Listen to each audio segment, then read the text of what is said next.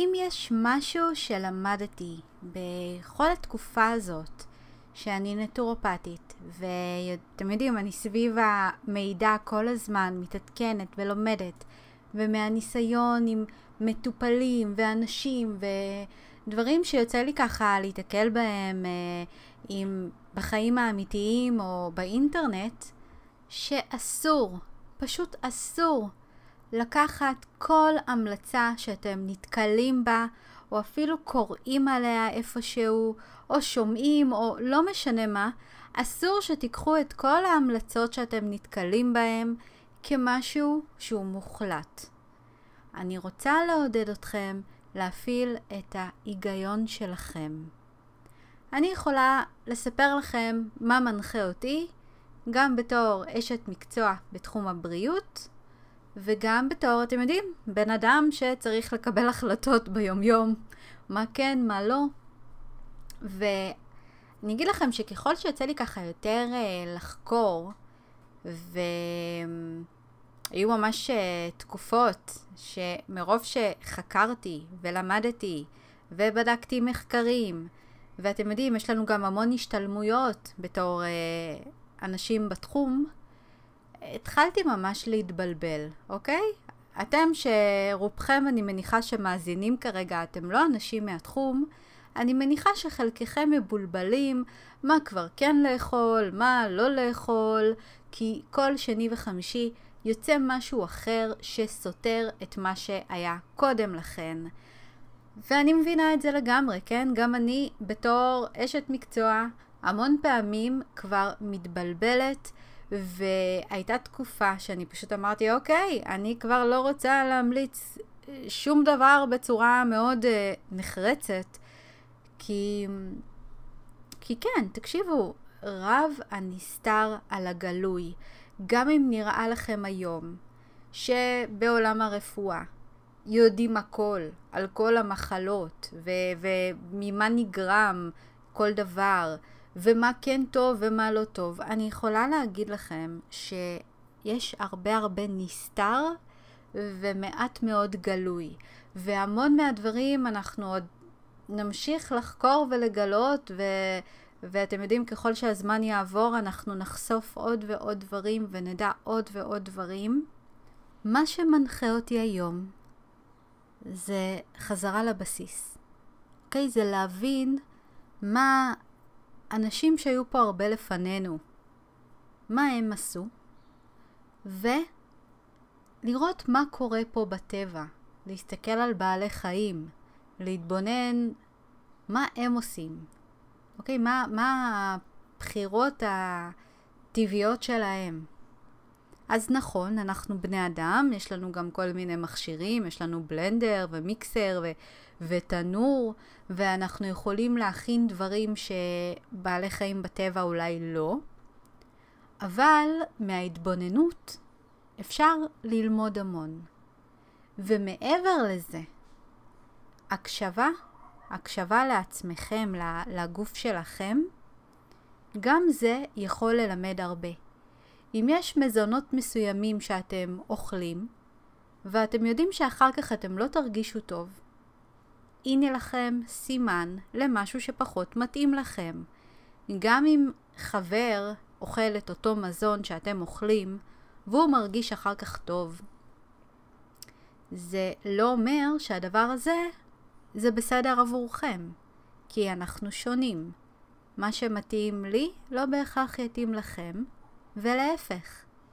יש אנשים שמבססים את כל התזונה שלהם על מזון מהחי, וזה גרם להם להמון המון חולי, להמון בעיות. יש כאלה שמבססים את כל התזונה שלהם על החי, והם יספרו לכם שהם מרגישים נהדר. כן, זה, זה חלק מהעניין המבלבל, שיש כאלה שיאכלו את אותה תזונה, לאחד זה יעשה טוב ולשני זה יעשה רע. אז פה העניין של השונות. ושוב, פה אני גם אומרת אפילו בבקשה את ההיגיון שלכם. כי מוצרי חלב זה אף פעם לא היה משהו שנועדנו לאכול ולשתות. כי אם אנחנו מסתכלים על הטבע, מי צורך חלב? רק הצאצאים. וגם, זה עד שלב מסוים.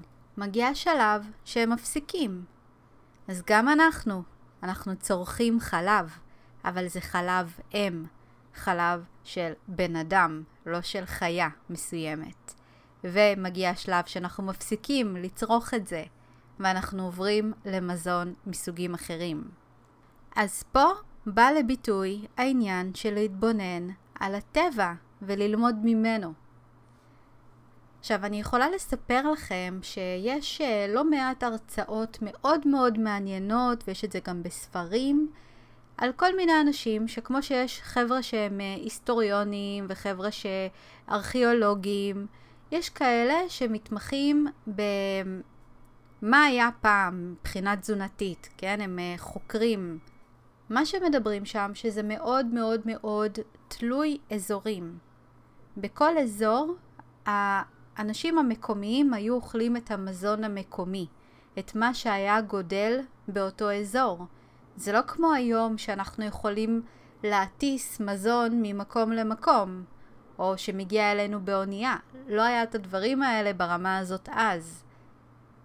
אנשים היו חיים במקום מסוים, שם היה גודל המזון המסוים, הם היו ניזונים ממנו, ולפעמים הם גם היו צריכים לנדוד לאזורים אחרים, כדי שיהיה להם אוכל, כי הם ידעו שאם הם יישארו שם בחורף למשל, אז לא יהיה להם יותר מה לאכול, אז הם היו צריכים לנדוד למקומות אחרים.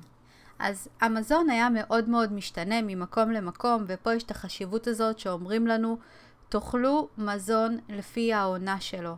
אם עכשיו אנחנו בחורף, תדעו שפירות מסוימים של חורף וירקות מסוימים שבחורף, זה מה שאנחנו צריכים לאכול, מזה אנחנו צריכים להיות ניזונים, כי זה המזון בעצם הכי מתאים גם לגוף מבחינה אנרגטית לעונה בה אנחנו נמצאים. אוקיי, הטבע הוא מאוד מאוד חכם. אה, ברפואה הסינית, דרך אגב, יש המון הסברים בעניין הזה, הם מדברים שם על אנרגיה של מזונות מסוימים. הרבה דברים אנחנו לא באמת יודעים עדיין.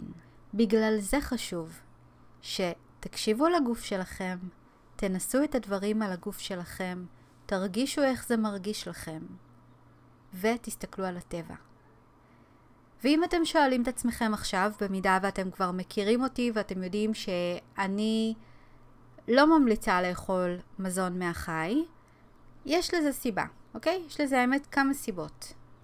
וזה גם קשור לתקופה שבה אנחנו חיים היום, שכל התעשייה הזאת של החי מתנהלת בצורה מחפירה, כן? זה ברמה שמזריקים המון הורמונים. והשחיטות מבוצעות בדרכים מזעזעות שבעל החיים מתמלא בהורמונים של לחץ וכל הדבר הזה נכנס לנו לגוף. אני גם מאוד מאוד מאמינה באנרגיה. כל מזון שאנחנו אוכלים מכניס אנרגיה מסוימת לתוך הגוף שלנו. וברגע שאני אוכלת משהו שסיים את החיים שלו בצורה כל כך מבועטת, כל כך לחוצה. זה מה שאני מכניסה עכשיו לגוף. משהו שהוא...